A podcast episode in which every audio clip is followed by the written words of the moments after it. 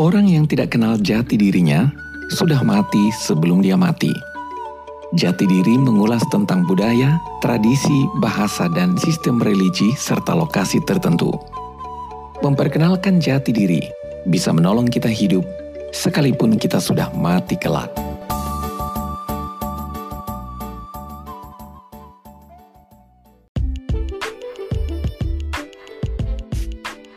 Halo, jumpa lagi dan kali lalu saya sudah sempat bercerita tentang kondisi kota Waikabubak, yaitu tentang pedagang sayur yang beda dengan pedagang sayur di tempat lain.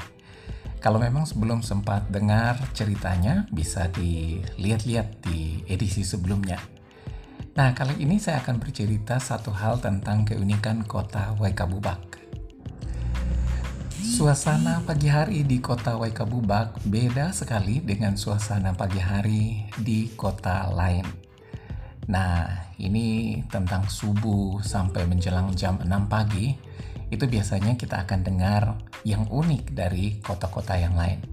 Di kota Waikabubak kita bisa mendengar suara azan dan juga suara dari menara gereja berupa lagu rohani dan khotbah setiap paginya. Nah, biasanya di atas jam 4 pagi kita sudah mendengar suara dari masjid dan biasanya kan diawali dengan semacam pengajian begitu. Lalu kemudian dilanjutkan dengan azan, azan subuh. Lalu sesudah azan subuh itu biasanya ada jeda beberapa menit, lalu ada ya semacam tapi pokoknya ada jeda sesudah azan itu ya. Jadi biasanya dari pihak gereja kayaknya juga menurut saya ya sudah hafal begitu. Jadi sesudah azan, jeda beberapa menit, kemudian suara dari toa masjid lagi sekali lagi, dan jeda sekitar 5 menit, lalu tiba-tiba kita akan dengar dari menara gereja akan ada suara lagu rohani. Lagu rohaninya bisa ada dua, kemudian pendetanya mulai menyapa, dan membaca uh, berdoa dulu, kemudian baca Alkitab, kemudian kasih renungan singkat, lalu doa syafaat yang cukup panjang di situ doa untuk warga Waika Bubak, untuk pemerintah, untuk orang sakit, ya untuk yang berduka ya. Dan kemudian berdoa untuk seluruh warga Waika Bubak biasanya pagi hari. Sesudah itu biasanya akan diputar dua lagu rohani lagi.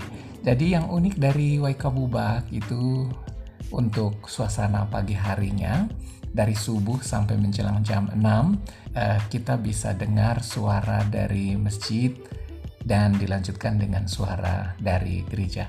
Jadi kira-kira dari azan sampai dengan suara gereja selesai itu bisa sampai sekitar setengah enam atau ya jam 6 begitu ya menjelang jam 6 itu suara-suara dari masjid maupun dari gereja itu selesai jadi pagi hari kita itu sudah ada suara dari masjid dan suara dari gereja um, ngomong-ngomong memang suara speakernya kedengaran satu kota begitu ya jadi suara speaker dari masjid maupun suara speaker dari gereja itu bisa kedengaran satu kota. Tapi rukun-rukun saja itu ya.